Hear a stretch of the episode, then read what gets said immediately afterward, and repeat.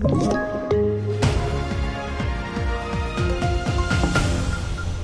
TV4-nyheterna börjar med att trots Kinas varningar så kommer amerikanska representanthusets talman besöka Taiwan, det uppger källor för CNN. En amerikansk tjänsteman säger att försvarsdepartementet jobbar hårt med att se till att besöket blir så säkert som möjligt efter de kinesiska varningarna. Xi Jinping och eh, Joe Biden hade ju eh, ett telefonsamtal för inte så länge sedan där, där den från kinesisk sida betonades att det är väldigt olämpligt och eh, skulle försämra relationerna mellan de här båda länderna, det vill säga USA och Kina, om det här besöket skedde. Och han använde bland annat uttrycket att den som leker med elden kan komma att bränna sig. Det sa Stefan Borg, utrikeskorrespondent.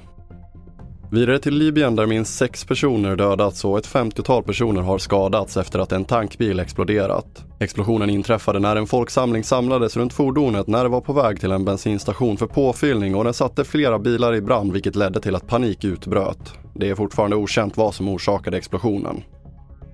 Och vi avslutar med att regeringen ger klartecken till Svenska kraftnäts begäran om att få investera 3,2 miljarder kronor i åtta stamnätstationer. Det handlar främst om att stationer som snart når slutet på sin tekniska livslängd ska upprustas och investeringen berör stationer i hela landet, säger energiminister Khashayar Farmanbar.